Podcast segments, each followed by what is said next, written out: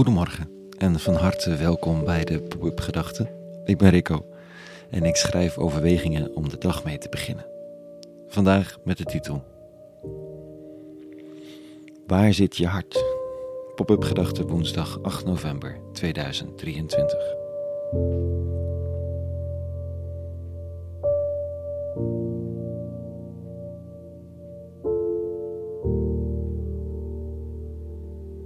Hoe belangrijk is mijn baan eigenlijk voor mij? En wat ik hier heb, de plek waar ik woon en het gezin waar ik zo dankbaar voor ben. Hoe belangrijk zijn mijn vriendschappen en de betekenis die ik heb in het levens, in de levens van anderen. Al die dingen maken me enerzijds tot wie ik ben, anderzijds ben ik ook iemand als die mij ontvallen. Of besta ik dan eigenlijk niet meer? Wie is degene die vader is, die deze projecten runt, die vriendschappen aangaat. Besta ik ook nog los van dit alles? Het is bijna een filosofische vraag misschien, of beter gezegd, misschien is het wel een specifiek spirituele vraag. Ga ik op in de wereld om me heen? Maken mijn externe verbindingen me tot wie ik ben? Of ben ik ook nog individu? Het is best wel belangrijk dat mijn baan of de projecten die ik doe mij niet definiëren. In die zin dat het voor mij, voor het werk voor alles best wel goed is als ik op een gegeven moment kan zeggen dat deze job me niet meer past. Dat het zaak is iets anders te gaan doen of om het project of de taak te veranderen. Dat geldt ook voor relaties. Als mijn leven opgaat in relaties, dan is er nooit meer een tegenover. Ze noemen dat symbiose en dan ben ik niet lang meer denkbaar zonder mijn relaties. En is niet in staat om me nog als individu daarin te bewegen of toe te verhouden.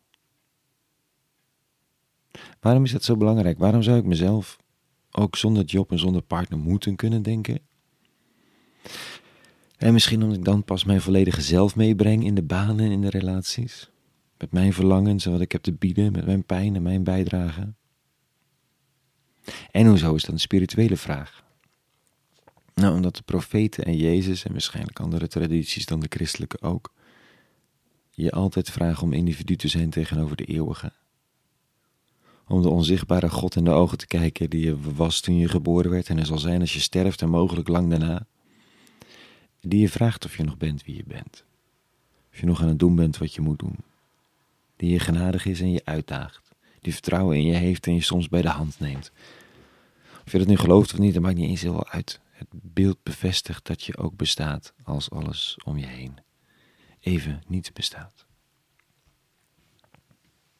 Ik kom erop omdat Jezus van Nazareth vandaag tegen zijn leerlingen in die specifieke context zegt: Zo kan niemand van u mijn leerling zijn als hij zich niet losmaakt van al wat hij bezit. Dat is nogal wat, erger nog, het bezit moet je breder zien dan spullen, ook relaties en rollen als moeder of dochter of echtgenoot. En het is enerzijds logisch in die context. De beweging die Jezus start is een revolutionaire, in de context van een land onder hoogspanning bezet door Romeinen, vol verzetsbewegingen en een religieuze leiding die licht ontvlambaar is. De beweging van Jezus van Nazareth kon je de kop gaan kosten, letterlijk. Anna nu is diezelfde beweging geïnstitutionaliseerd. Er is geen direct gevaar hier in Europa. Dat is het succes geweest van die beweging van die rabbi, of van God, zou je kunnen zeggen, met alle haken en ogen van dien. Maar welke vraag komt er hier uit deze zin je dan tegemoet? Alles opgeven om Jezus te volgen?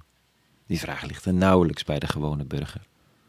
Al kan je spirituele overtuiging spanning opleveren met buren, vrienden en familie, maar dat is het dan ook. Ik denk vanochtend dat deze zin dichter bij huis ligt dan je spullen weggeven en als een bedelmonnik je leven doorbrengen. Al kan dat ook een boeiende weg zijn om te gaan. Ik besef weer even hoe belangrijk het is om je even los te denken van je relaties, van je spullen, van de plek waar je bent. Want ze definiëren je niet, ze zijn je gegeven. En met dat je ook bestaat zonder dat alles om je heen, ben je vrij om je ertoe te verhouden. Kun je de moeilijke gesprekken aangaan? Kun je jezelf weer bewust geven aan het leven dat zich om je heen heeft vormgegeven? Dat ben je niet. Je verhoudt je ertoe. Het zijn wat bespiegelingen vanochtend waarvan ik niet weet of ik de juiste woorden heb gevonden. Het is zoeken naar iets ongrijpbaars, een manier van leven, een perspectief.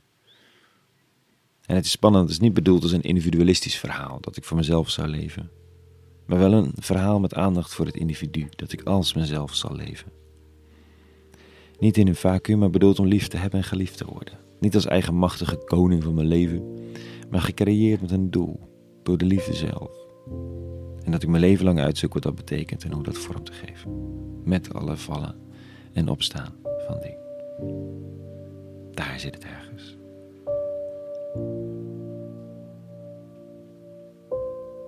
Tot zover vandaag. Een hele goede woensdag gewenst. Meer pop-up gedachten te vinden op www.popupgedachten.nl. Ook voor abonneren en doneren kun je daar terecht. En voor nu, vrede gewenst. Alle goeds.